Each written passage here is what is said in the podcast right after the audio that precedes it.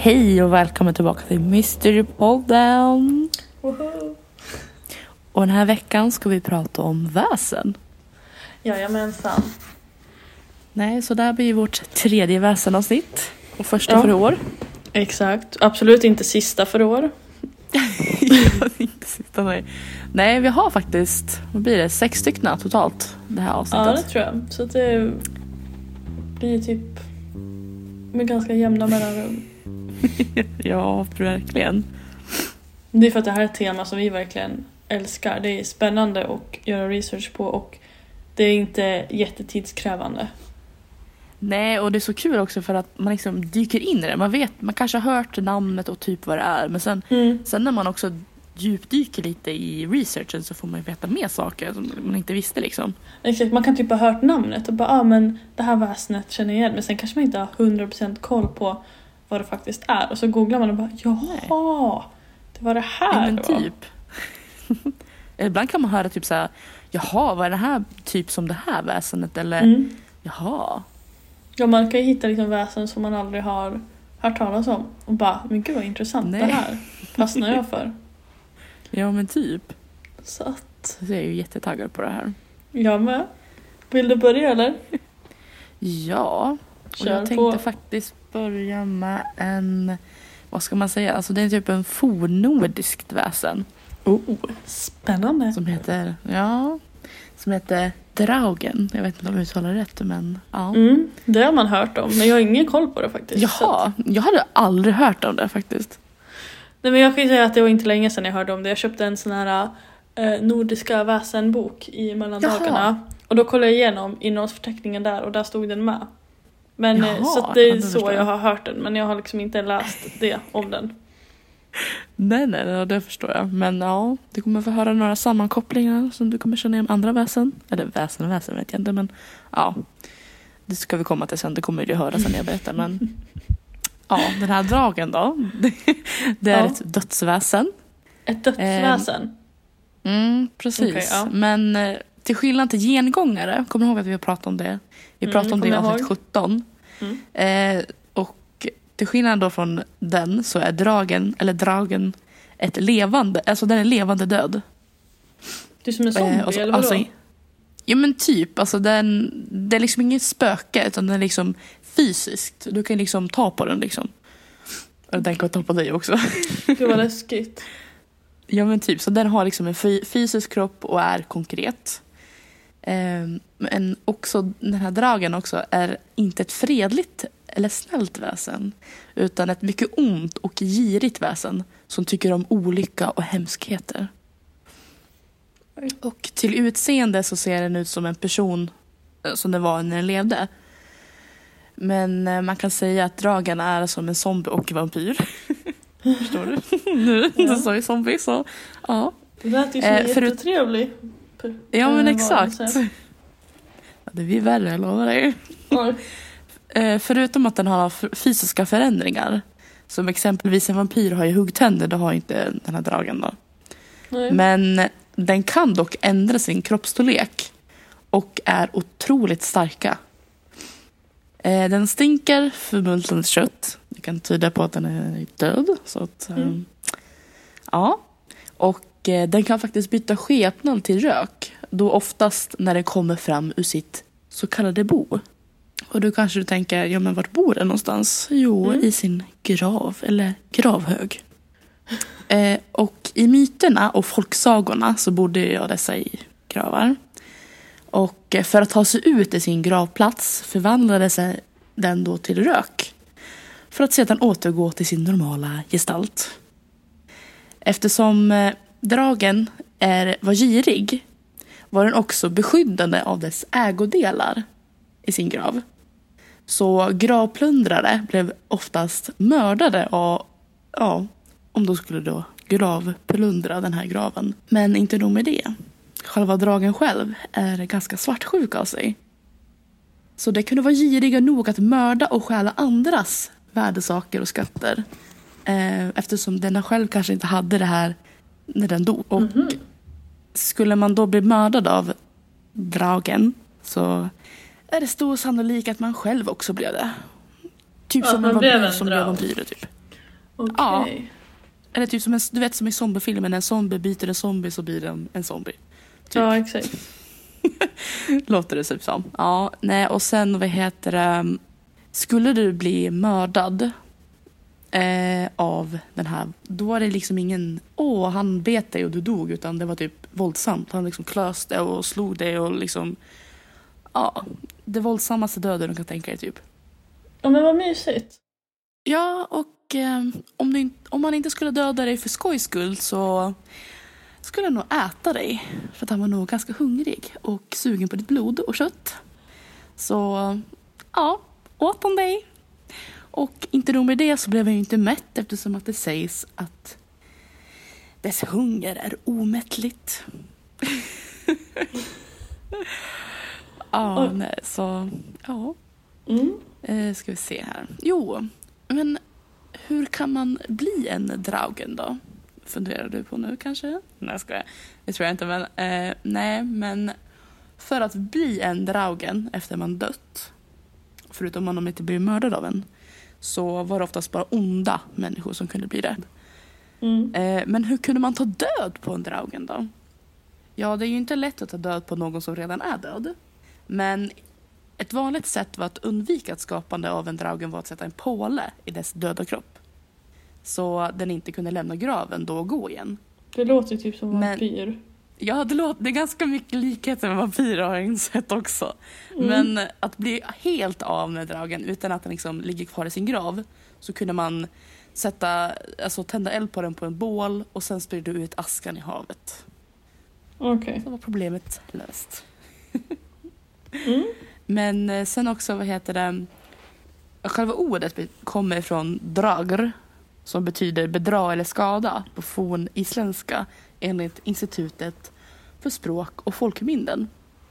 Eh, På dagens svenska, svenska eh, så betyder det drög så, eh, och idag betyder det att någon är blek, overksam och trögiskt tänkt person som drar benen efter sig. Det visste jag inte heller, men nu vet jag det också. Mm. Ja, det visste faktiskt inte jag heller vad det var för ord. Nej. Så ja, det var För er Oh. som ville veta det. Men det var spännande. Jag hade faktiskt inte, alltså ingen koll på det väsenet. Nej, inte jag heller förrän jag såg det. Jag bara, men gud, det här lät intressant. Jag har aldrig hört. Mm. Nej men jag hade inte hört det, eller alltså jag visste inte vad det var förrän för typ någon vecka sedan heller så att, eh, inte så. Nej, du ser. Mm. Men då kan jag ta mitt första väsen då och det, nu tar jag mitt Ja. eh, som jag absolut hittade minst om.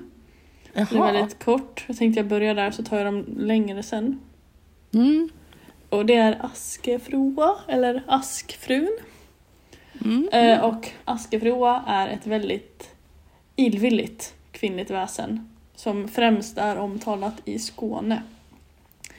Eh, som namnet tyder så höll hon till i gamla askträd och hon ansågs vara livsfarlig för den som inte passade sig.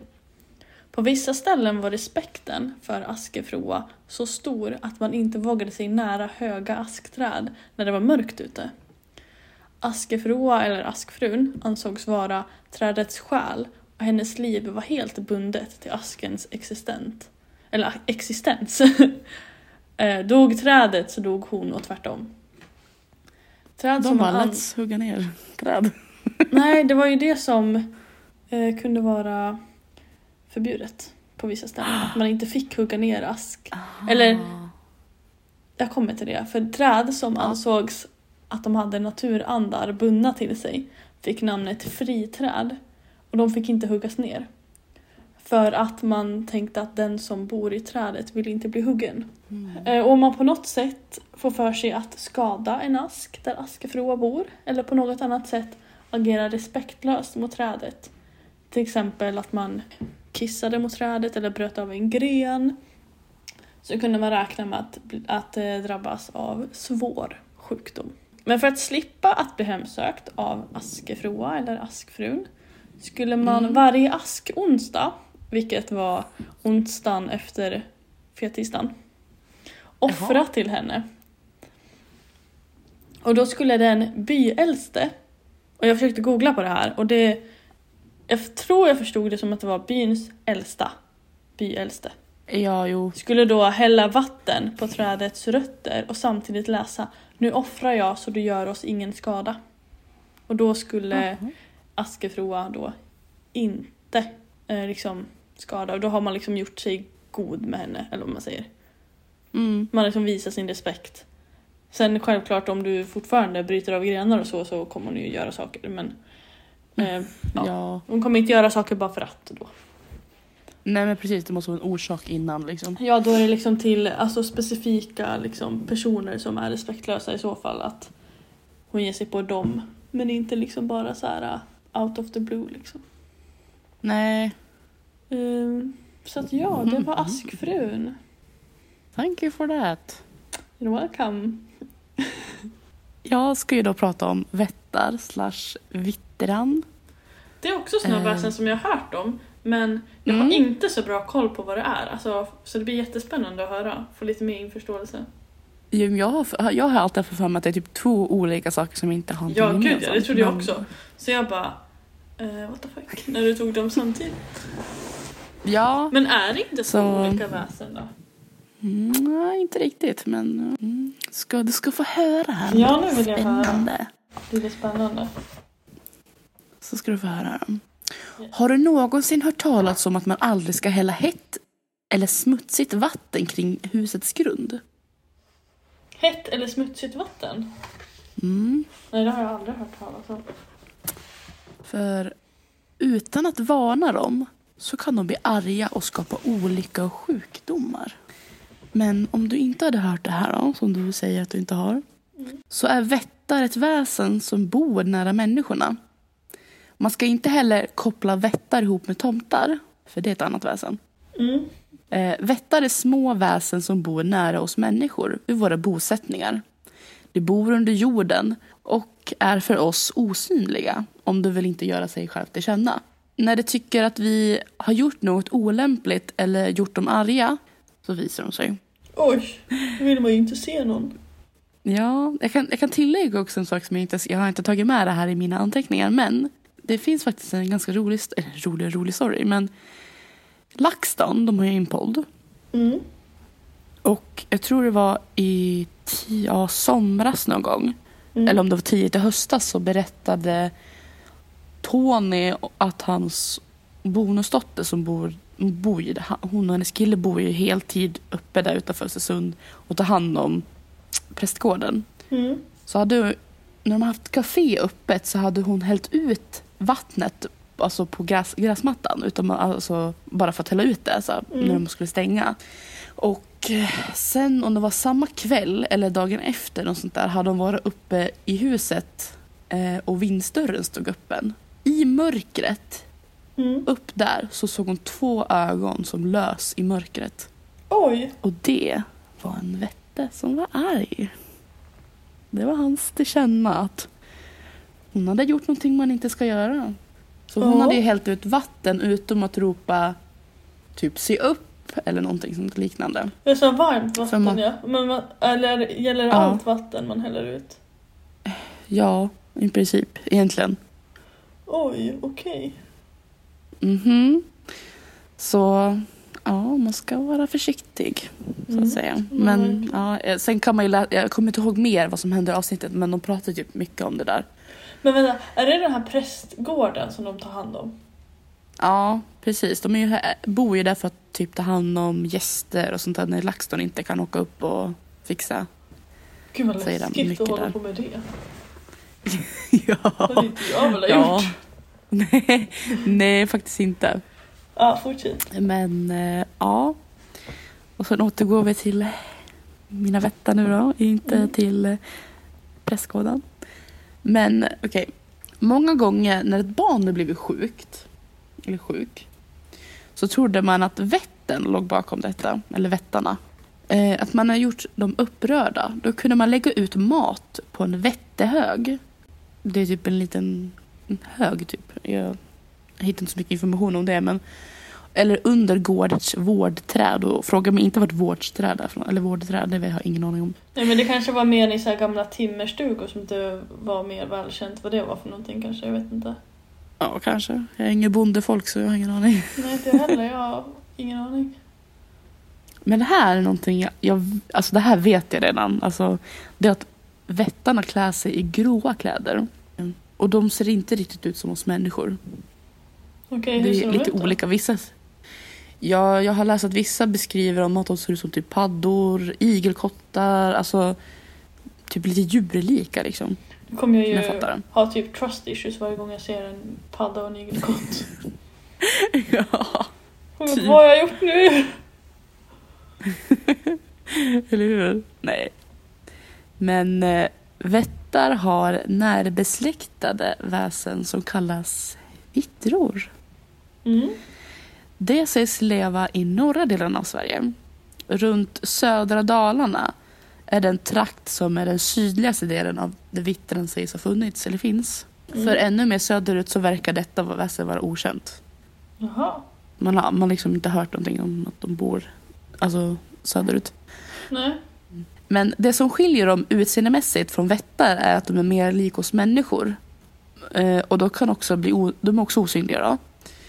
Men är oftast då också i mänsklig storlek. De kan alltså bli alltså lika stora som oss. Eh, och, ja, och kläderna eh, skiljer sig också från vättarna. De använder mer människoliknande kläder. Fast då inte moderna kläder utan lite så äldre tidsålder liksom, kläder. Ja, men jag kan tänka mig det. Ja. Och eh, vittrorna bor också under jorden runt människorna. Såväl ute i fäbodarna fast även under vintern när ingen bod, eller bodde där. Så bodde de kvar. Mhm. Eh, vittrorna hade också eget boskap. Det skulle kunna vara kossor och ibland getter. Men eh, de var betydligt mindre än våra boskap om man säger så. Och så fick jag lära mig att även om det här boskapet, till exempel med kossorna som de hade, var små. Så kunde de producera jättebra med typ mjölk och sådär. Jaha. Så det, det var någonting man ville ha vet du. Mm. Eh, sen hittade jag faktiskt att det finns historier om bortbytingar orsakade av vittror när det gällde barn. Men Ja. förekommandet av bortrövade vuxna har också förekommit. Eller, ja. Oj. Och då kallades det för vittertagna. Detta var ett sätt man trodde förr förklarade försvinnande av människor. Och för att hålla borta, eller för att hålla vittror borta så kunde man sätta upp ett vitterkors. Ett vitterkors, vad var det då för någonting då? Ja, det är som ett kors bara att det är liksom ihoptryckt mer. Alltså, om du tänker de här gamla... Har du sett typ tempelriddarkors? Ja. De är ganska typ likformat kors. Tänk dig ett sånt fast typ... Ja, eller det finns typ lite olika. ja Men det var det första som jag såg. Ja, Okej. ni får googla om ni vill. Om ni vill se mer. Ja, annars kan vi kanske lägga ut en bild på Instagram. Nej, sant. Det kan vi också göra om någon vill glo där. Jag kommer typ sätta upp alla såna där grejer på min framtida bostad. Nej, men eh, vad var jag nu då? Jo, utöver det så kunde, vi, eh, jo, så kunde man bo fredligt med vittrorna samt vättarna. Såväl den som hjälpte en vätt eller en vittera kunde bli belönade. Vättar kunde till exempel ge en obetydlig gåva som är knippen med löv eller en pinne. Men tog man emot den och tog hand om den så kunde det bli guld eller ädelstenar dagen efter. Oj. Mm, de var ändå generösa ändå. Kanske kolla om personen var girig eller inte. Nej men det var väl så här, många tänkte väl så här, åh varför ska jag ha det här fula lövhögen typ? Mm. Eller den här pinnen, vad gör den här slängen? Och så bara, oops, Ja, it became precis. magic. It's gold now. Exakt. Nej, och sen har vi ett vittrorna och vättarna särskilda stigar eh, som det går på. Och skulle man bygga något av dessa stråk så kunde de bli arga. Det kändaste fallet av eh, bygget av, gissa vad? Är det Skarpberget? Jajamän! Ja visst, vi pratade ju om det i hemsökta platser. Ja, precis. Av E4 utanför Gävle vid Skarvberget där man byggde motorvägen över ett vätterstråk.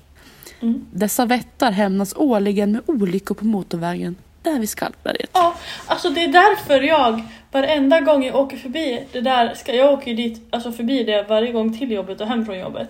Och jag har sagt det till dig Mhm. förut, men varenda gång jag ser den här här 300 meter, alltså jag Jag säger alltid typ såhär, snälla låt mig passera, jag respekterar er, bla bla bla. Varenda dag, varenda dag. För jag bara, jag... För att du kommer ihåg att jag läste det där om att det var hemsökt av väsen liksom. Mhm. Och alltså I'm just saying, jag har inte varit i en olycka än i alla fall. Skadar Nej, aldrig. Nej, det, jag tänker efter, jag har inte hört, jo men jag hör inte så mycket om olyckor längre. kanske inte. Har du gjort det? Eh, ja, jag har sett några så här, typ att det var lite nu i vintras att någon hade så här i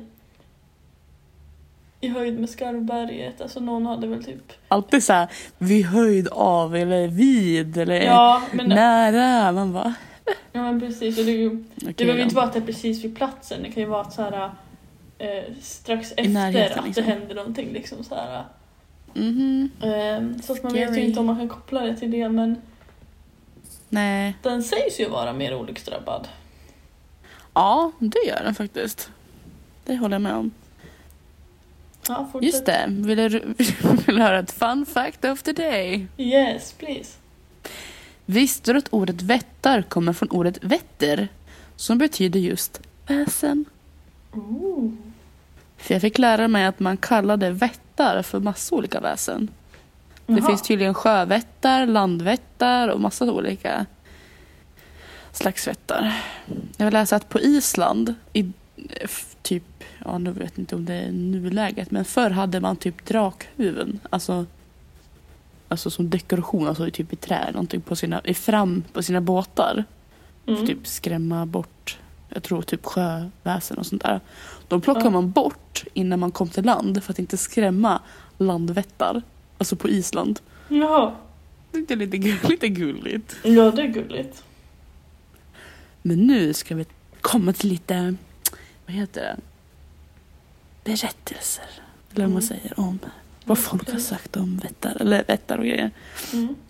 Nej, för det var att Sveriges Radio har en del berättelser från programmet Naturmorgon som, ja, det här var i juni 2014, som hade en fråga just om vittran. Ja, vittran nu, inte vättar, men ja. Och eh, ja, du frågar nämligen en fråga där lyssnaren skulle skicka in en, vilket övernaturligt väsen som är osynliga men liknar oss. Och här är några av de inskickade svaren. Jan-Erik Norling i Nyköping skriver Vår mor, född 1886 i Medelpad, eh, främjade oss barn att aldrig slänga ut tvättvatten etc. Hur som helst på marken, då kunde vittra bli blöta i huvudet och straffa oss på något sätt. Och så har vi Gunvor Bäckström i, Åsele skriver I byn Östernåret här i Åsele kommun har vi stor kunskap om vittra. I Östernålet finns nämligen en väldig klippsamling som kallas Vitterhuset och kring den en vitterstig. Enligt sägen har vittre bott där, alltså vittror. Mm. Det är lite så här gammal svenska. Eh, Gunvor Bäckström berättar också att man i augusti varje år sätter upp en opera i Vitterhuset som heter Operan, eller Opera i berget. Och sen, det fanns några fler men det var mest så svar. Men här har vi en annan liten, liten jag tyckte det var en liten rolig story. Mm. Och det är från en, mm, ja, en gammal man som hette Sven Martin Eriksson i Östersund som skriver Vättar är svaret på naturfråga den 14 juni. Och sen fortsätter han då. Jag tror att vättar är jämtländska dialekt för vittra har ett annan lokalt namn som småraunan. Min farfar hade en lång och rolig berättelse om vättarna och att de var rädda för stål. Det rustades till ett vätterbröllop i, vår, i våra fäboar. Det skulle givetvis ske nattetid. Min farfars far bodde i bostugan tillfället som ung i samband med, med något arbete som skulle utföras. Vättarna hade lagt kopparmynt i en trätång som skulle tillfälla brud, brudparet, alltså vätterparet. Mm. Min farfars far hade gömt sig i bordarna på någon ås i bostugan. Dels av rädsla för dem, men när tången var fullt av kopparmynt släppte han sin kniv överst i tången. Alla vättar flydde och min anfader kunde ta hand om kopparmynten. För pengarna köpte han då en gård som han sen och hans efterkommande levde. Gården är fortfarande i släktens ägo. Min kusin med familj äger gården nu. Ja, Men jag tänkte den sista Det var- historien. Vart han Ja. inte ovän med dem då om han skrämde dem från något bröllop? Liksom fick han ingen otur eller något då? då? Ja, man tror ju det men jag vet inte. Han, han bodde ju inte, eller ja han bodde Men han köpte tillfälligt. ju alltså, sin vet inte. gård där sen. Jag menar, borde de inte ha hemsökt honom där? Typ? De vättarna kanske inte visste att det var han, jag vet inte. Nej, det är ju sant i och för sig. They didn't know. Nej. Nej, det är intressant. Alltså, det, alltså, jag lovar, det finns säkert hundratusen andra berättelser. Mm. Eh, när jag gjorde research så fick jag faktiskt upp en ganska ny nyhet från också SR Radio. Mm. Det var någon man som pratade om det här var i Västergötland. Mm. Och det var liksom som i en häll. Så såg det ut som någon hade gjort liksom en trappa i den där hällen. Och det var också en sån här, om det var vittestig. Mm. Jag kan ju ta med klippet här i podden, så för den som vill lyssna så kan jag få lyssna. Ja, men gör det. Granåsen utanför Dorotea finns Vittertrappan, en eh, stenformation i berget som enligt sägnen är en vandringsväg för Vittra, ett väsen. Medan andra tror att det är naturens krafter som varit framme. Bybon Kjell-Åke Andersson kan mer om historien, hur byn kom till. 1797 var det ju en same som började bosatte sig vid sjön där. Och eh, han eh, fick väl problem med Vittra. För på andra sidan sjön är, är det en stor hälla. Och genom den hällan är det en spricka som man kan gå upp till på berget. Och eh, där bodde förvittrade ifrån början.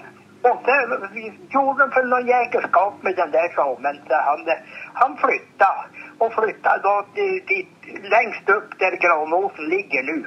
Och eh, efter ett tag flyttade Fullvittra och till Vittertrappa. Sägnen säger ju att eh, ja, de högg ut en trappa upp genom en bergknalle där. Som man kan gå ifrån landsvägen och upp.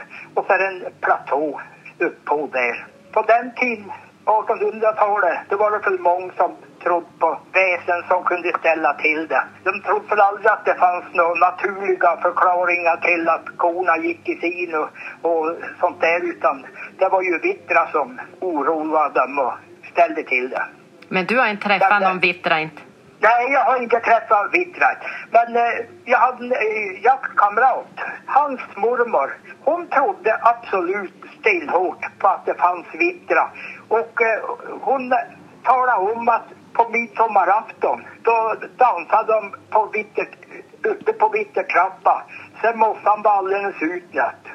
Men nu är det ju som en sevärdhet att ta sig upp dit och uh, utritat också så att säga Vittertrappan i, i själva hällen och mossan. Ja, jo, det är bila in. Det står ju Vittertrappa längst efter hällan där. Men du är menar ju- alltså att eh, byn fick flytta på sig på grund av Vittra? Ja, det var, alltså, det var en ensam same som, som bodde där. Så han, han flyttade. Sen har jag hört, alltså, det går för historier om att eh, Vittra flyttade ifrån sitt ställe och till Vittertrappa genom att, ja, de, de berättade att eh, hon, eh, ja, bondmora som väl jag ska säga, hon kokade mesern så det, det stack väl i ögat eller näsan på Vittra. Det var då de flyttade till Vittertrappa. Åsa Meijer, P4 Västerbotten. Och de eh, är ju lite besläktade med varandra, de två som jag har kvar. Ja, ja. Ja. Så att eh, jag kan börja med skogsrå. Ja. Eh, och den, vanliga be- bil- alltså den vanligaste bilden vi har av skogsrået idag är att hon är en vacker ung kvinna med långt hår. Men när hon vänder sig om så är hon ihålig eller ser ut som en rutten trästam. Eh, och kanske Mm. liksom att hon har svans. Och Svans. ibland, ja. Och ibland berättas det att hon har stora hängande bröst som hon slänger över axeln. Hon kunde, hon kunde även uppträda som en ful äldre kvinna eller med händer stora som alltså, lövräfsor. Alltså sorry men alltså jag, det, enda jag fick, det enda jag fick i huvudet var TPM, alltså tuttarna på magen. Ja, exakt. Föreställningar om ett väsen som stod på djurens sida går långt tillbaka i samhällen eh, med starka jägartraditioner. Eh, detta väsen har en gång varit av manlig karaktär och har fortsatt att vara så på flera håll, bland annat hos samerna. Även i Sverige fanns det berättelser om manliga skogsrån, men här är det också skett en förändring av föreställningen från manligt till, kvin- till kvinnligt. En förklaring till detta skulle kunna vara att olika former av skogsarbeten blev vanligare eh, mitt, mot mitten av 1800-talet och män med yrken som kolare, kärbrännare och skogshuggare vistades ensamma under långa tider i skogen av längtan efter kvinnligt sällskap och ur deras fantasi och drömmar skapades föreställningar om skogsrået. Alltså kåta män skapade det här väsendet kan man säga. Ja. Eh, och skogsrået sades då vara farligt för män. Och eh, sällskapssjuk och uppvaktade gärna män som vistades i skogen. Ensamma män levde farligt då skogsrået kunde förvilla dem så att de gick vilse i skogen. En av skogsrådets egenskaper var också att de kunde ändra skepnad. När hon lockat en person tillräckligt långt in i skogen skrattade hon högljutt och försvann. Eller så vände hon ryggen till och då såg han den ihåliga ryggen. Men hon kunde också locka en man till att bilda familj med henne. Och på 1600-talet kunde man bli dömd till döden om han trodde sig ha haft kärleksmöten med skogsrået ljud. Eh. Det sades att en särskild fågel, eh, lavskrikan, var utskickad av skogsrået. På flera håll troddes fågeln bringa otur och dess latinska namn betyder just olycksbringande pratmakare. Den är dessutom känd för att vara orädd för människor och gärna vistas på lägerplatser för att få mat. Om en jägare såg en lavskrika när de gick ut i skogen kunde han lika gärna vända om för fågeln var ute och spana åt skogsrået så att hon kunde varna skogens djur. Långa tider i ensamhet i den mörka skogen kunde troligtvis spela fantasin ett och annat spratt. Lavskrikens läte skulle nog kunna under sådana omständigheter uppfattas som ett hånfullt skratt. Skogens djur var också under skogsrådets beskydd och hon kunde därför belöna eller straffa en jägare som vistades i hennes skog. Berättelserna om skogsrået handlade ofta om att på något sätt överlista henne. Och en man skulle aldrig avslöja sitt riktiga namn för då var han i skogsrået våld. I några samlingar finns till exempel flera sägner som berättar om hur en man i skogen får besök av en kvinna och när hon frågar efter hans namn så svarar han själv eller ingen. Sedan jagar han bort henne genom att till exempel bränna henne med vedträn från elden eller kasta glödhet kära på henne. Och då, skriker hon, då skriker hon själv har bränt mig men fått till svar inifrån skogen. Har du bränt dig själv får du skylla dig själv. Likaså med ingen. Har ingen bränt dig får, har du ju inte bränt dig. Och i dessa sägner så förekommer att skogsrådets man, som bland annat går under namnet Hulte, Holte eller Hunte, att det är han som ropar tillbaka att om har ingen bränt dig så har du inte bränt dig. Men hade det varit liksom ett namn, tänker jag, så kanske han hade kommit och hjälpt henne. Och det var därför de sa ingen eller själv. En annan sägen om skogsrået är att hon tycker eh, att alla som vistas i skogen ska vara lika långa. Om hon träffade på två män så försökte hon helt enkelt dra ut den kortare av dem och om inte det hjälpte så högg hon av den som var längre. Även detta motiv finns i den grekiska mytologin. Men ja, jag tänker inte försöka säga vad den grekiska mytologin säger. Och det här är då alltså en berättelse som ska vara berättad av August Johansson som är född 1849 i Bollebygd i Västergötland. Det var ett skogsrå som träffade på ett par skyttar som låg och sov i skogen. Den ene var lång och den andra var kort. Och nu drog hon först i den ene och sen i den andra för att göra dem lika långa. Ska jag efter Miella fila blanka ska jag snart göra dem lika långa, sa hon. Det var en yxa hon tänkte hämta, berättade August.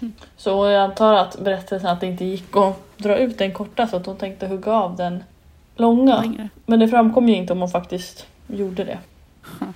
Om en man ändå råkade berätta sitt namn för skogsrået fick hon makt över honom. Om mannen var gift kunde även hans hustru känna av detta då han var tvungen att springa till skogs så fort skogsrået kallade.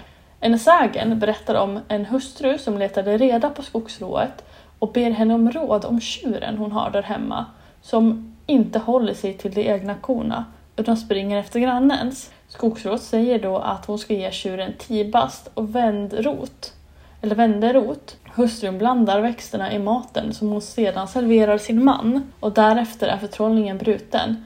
Men skogsrået som har blivit lurad klagar. Ja, så det var ju också en berättelse om hur man överlistar henne.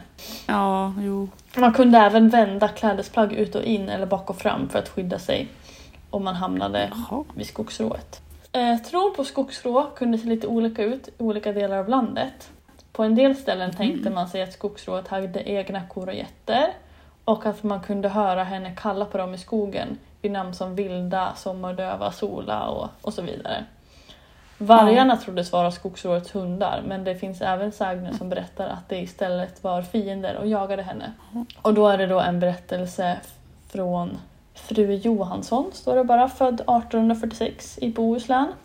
Ehm, och då står det skogsrån ville vara sams med karar. De kunde inte komma ifrån henne. Då passade hon milorna åt dem och slog eh, kojdörra om det var något fel. En gång var det vargar efter ett skogsrå Ehm, och hon räddade sig in i en skogslada. Där satte hon sig i en glugg och räckte ut benet åt vargarna och retade dem. Tasse ta fot, Tasse ta fot, sa hon. Men det var en kar inne i ladan och han rände till henne så hon ramlade ner bland vargarna. Tasse sa gott alltihopa, sa han. Och det är då att han puttade ner henne till vargarna och sa att Jaha. varsågod och ta allt, typ. Nej. Ja. Men var man snäll mot skogsrået så hjälpte hon en. Hon kunde se till att en jägare aldrig missade sitt byte. Eh, Om hon träffade två jägare kunde hon ge den ena jaktlycka genom att smeka hans gevär och den andra olycka bara genom att titta i gevärspipan. Det sades att om man offrade "Får jag titta något där?"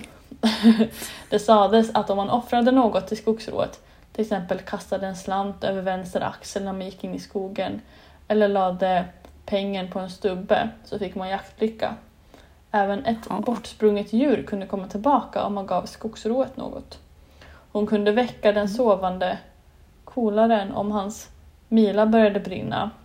Hon varnade för olyckor och dåligt väder.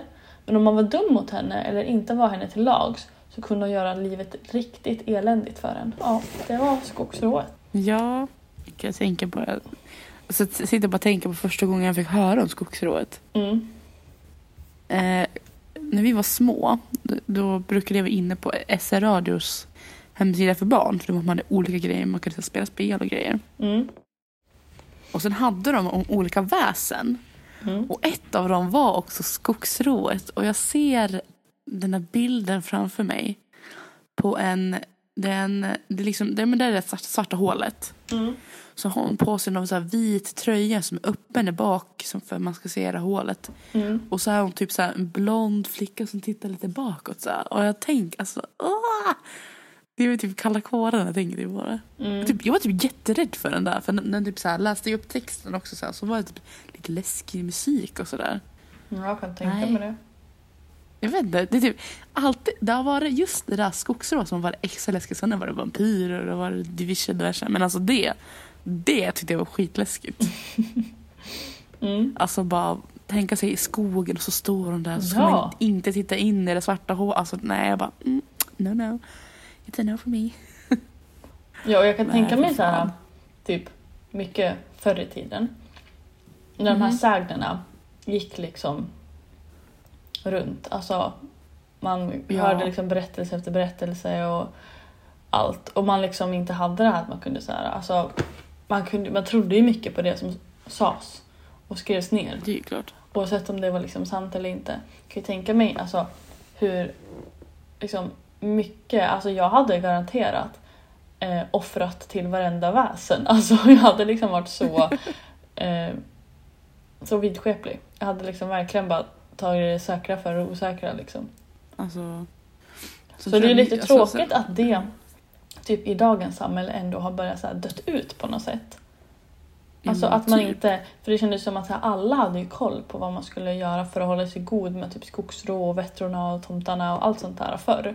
Man visste precis vad man Ja. skulle göra och inte göra. Nu är det så här, ja, eh, jag hade liksom ingen aning om att man inte skulle hälla ut vatten utan att förvarna. Alltså så här, Mhm. Alltså sådana saker som så här, förut gick ju det liksom, man lärde sig det. Man fick det sagt till sig mycket. Att så här, ja, gör inte det för då liksom, Då händer det här liksom. ja då blir bla bla bla sur eller då gör du dig ovän med, Ja, med tomten och sånt där. vättarna. Ja, men exakt. Då kommer du få otur och olycka och bli sjuk och sådär. Men Ja. nu är det liksom såhär, man, man, visst, man, man hör inte det på samma sätt. Det är ingen sån... För det går liksom inte i... Alltså det pratas inte om längre på något sätt. Alltså, så här, Nej men det är typ så här, folktro har ju typ dött ut lite alltså, på Ja. vissa, alltså, på många ställen. Och det tycker jag är lite tråkigt för att det är så här, jag tycker att det är jätteintressant. Ja.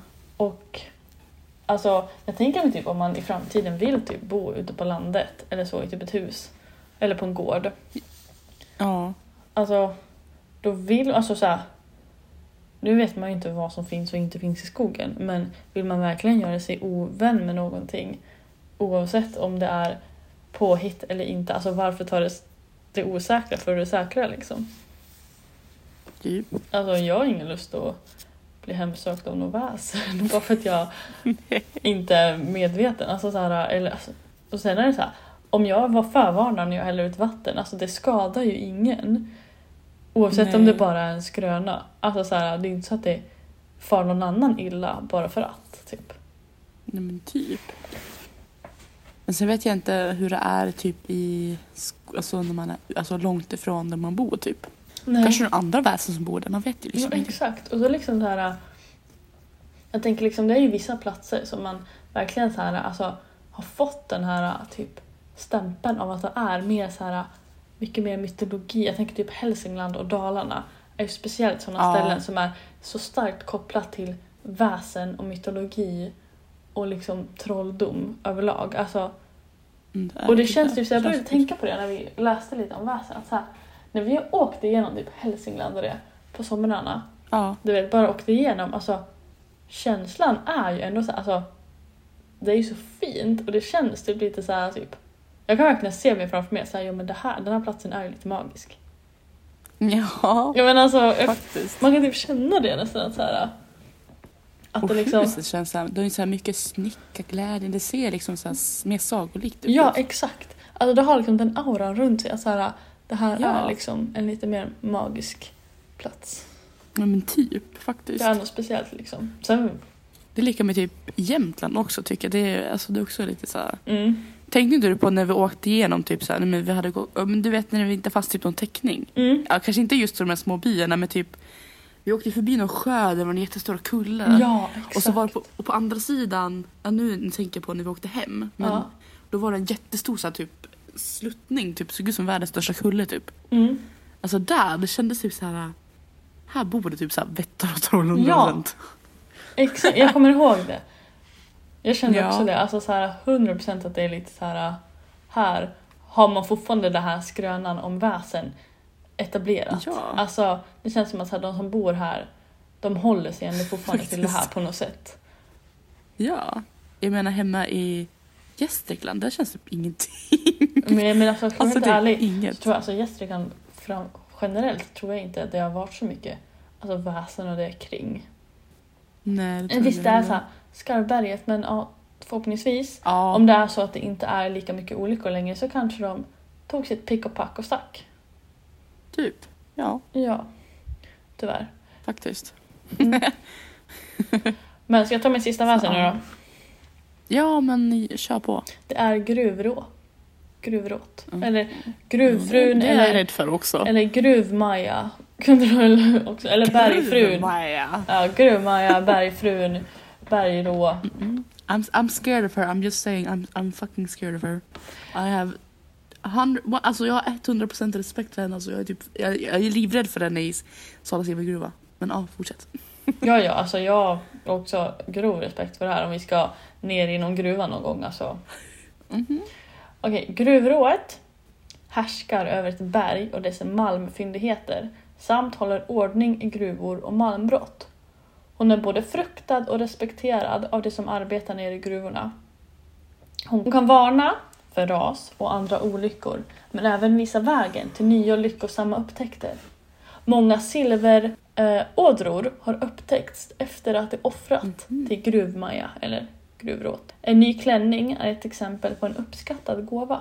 Men gruvrået kunde lika gärna vara en fara och för, och förvrida synen och förvirra så det inte hittar tillbaka till nyupptäckta rikedomar och så vidare. Vissa av bergets skatter ansåg hon vara hennes och de lät hon ingen komma åt. Hur man agerar och beter sig i gruvan påverkar gruvråds humör. Man blir straffad om man inte visar respekt för henne och berget. Man ska undvika att skrika, vissla, svära eller kasta sten i gruvan. Eh, För det är säkra sätt att reta upp henne. Gruvrået ville ha ordning och reda och man skulle helst städa efter sig och inte lämna några matrester. Det gällde även att vara artig mot henne. I vissa gruvor lyfte man rent av på hatten och sa god morgon innan arbetet började. Sägner berättar om gruvlag som inte lydde och som blivit instängda i gruvan och dör för att de inte skött sig efter gruvråets behag. Eller om mannen som nekar gruvrået mat och därefter kort därpå faller och slår ihjäl sig. Var man snäll och artig mot gruvrået så kunde hon belöna en med malm eller visa var det fanns malmådror. Inte helt sällan flyter sägnerna om gruvrået ihop med dem om skogsrået. Till exempel så sades det att gruvrået inte hade svans, men det fanns sägner som berättar om drängen, hur en person som påpekar för skogsrået eller bergsrået att hennes svans eller rumpa hänger ut där bak och som därmed blir rikt belönad med till exempel malm eller guld. Liknande sägner finns om gruvrået. Ja, jag fattar inte riktigt den där. Jag vet inte hur jag har skrivit den. Nej, jag förstår. Att gruvrået inte hade svans. Men ändå att det var påpekat att rumpan eller svansen hänger ut. Jag antar att det är så här. Alltså jag fattar inte riktigt den där, jag ska vara helt ärlig. Alltså. Nej, det var bara too complicated to handle. Hennes manliga motsvarighet kallas gruvgubbe, berggubbe eller malmgubbe.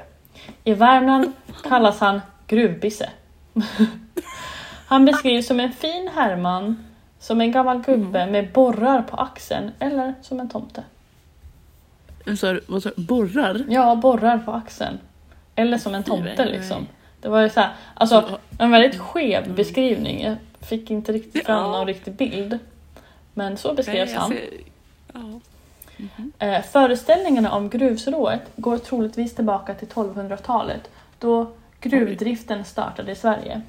Det behövdes mycket ved och kol för att driva en gruva och gruvarbetarna kom ofta i kontakt med skogshuggare och kolare. Kanske var det så att de berättade om möten med skogsrået. Föreställningar om skogsrået tros vara äldre och genom berättelserna om henne och närheten mellan gruva och skog skulle föreställningarna om gruvrået kunnat utvecklas. Till skillnad från skogsrået är gruvrået inte speciellt kärlekskrank, vilket kan ha sin förklaring i att männen i gruvsamhället ofta levde tillsammans med hustru och barn, medan skogsrået i sin tur sökte sig ofta till jägare, kolare och skogsarbetare, vilket var män som levde ensamma i skogen under flera månader och ur vilkas drömmar och fantasi skogsrået erotiska karaktär kom till. Inte heller hade gruvrået svans eller en baksida som liknades vid en rutten trästam. I uppteckningarna beskrivs hon istället som en ståtlig eh, herrskapsdam i vackra kläder. Vissa har berättat att hon har en stor nyckelknippa hängandes i sidan som vakade över gruvan och alla som vistades där. Hon varnade om något gick fel och om någon somnade så väckte hon honom. Arbetet i gruvan kunde höras pågå trots att det inte var någon gruvarbetare där. Och om hon visade sig så var det ett varsel för en kommande olycka. Var hon klädd i svart så betyder det att en olycka som skulle sluta med döden. Och var hon klädd i vitt var det inte lika allvarligt. Om gruvan hördes sucka var det bäst att lämna den omedelbart. Och det finns också det som säger att de har hört rået varna med ordet gå härifrån. Ge er iväg. Mm. Och det sägs då också att det har va- varit så här gruvarbetare som har kommit upp helt så likbleka efter att ha sett henne i svarta kläder för då vet de ju att inom en snar framtid så kommer det hända någonting som för dem som liksom kan vara slutar döden. i döden. Men de vet ju inte när. Det är bara en varning.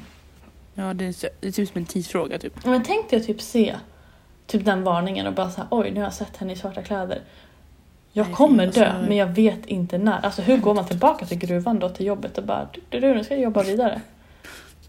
Han bara sista skiftet, han bara You never see me again. Again. No matter what you say. No. Exakt. Nej, men typ han går till nästa gruva istället. Bara, hehehe. Ja, jag tänker också så här. Alltså, det är ju inte sagt att olyckan kommer att hända i gruvan. Alltså så här, det kan ju lika Nej, gärna det är hända på vägen hem eller liksom vad som helst. Det kan ju bara vara så här, du kommer dö snart. Jag vet That's det. true, that's true. Fast jag antar ju typ att det är så här gruvkopplat. Alltså så här, men man vet ju inte. Nej. Nej. Men tack för att ni har lyssnat på veckans avsnitt av Mysterypodden.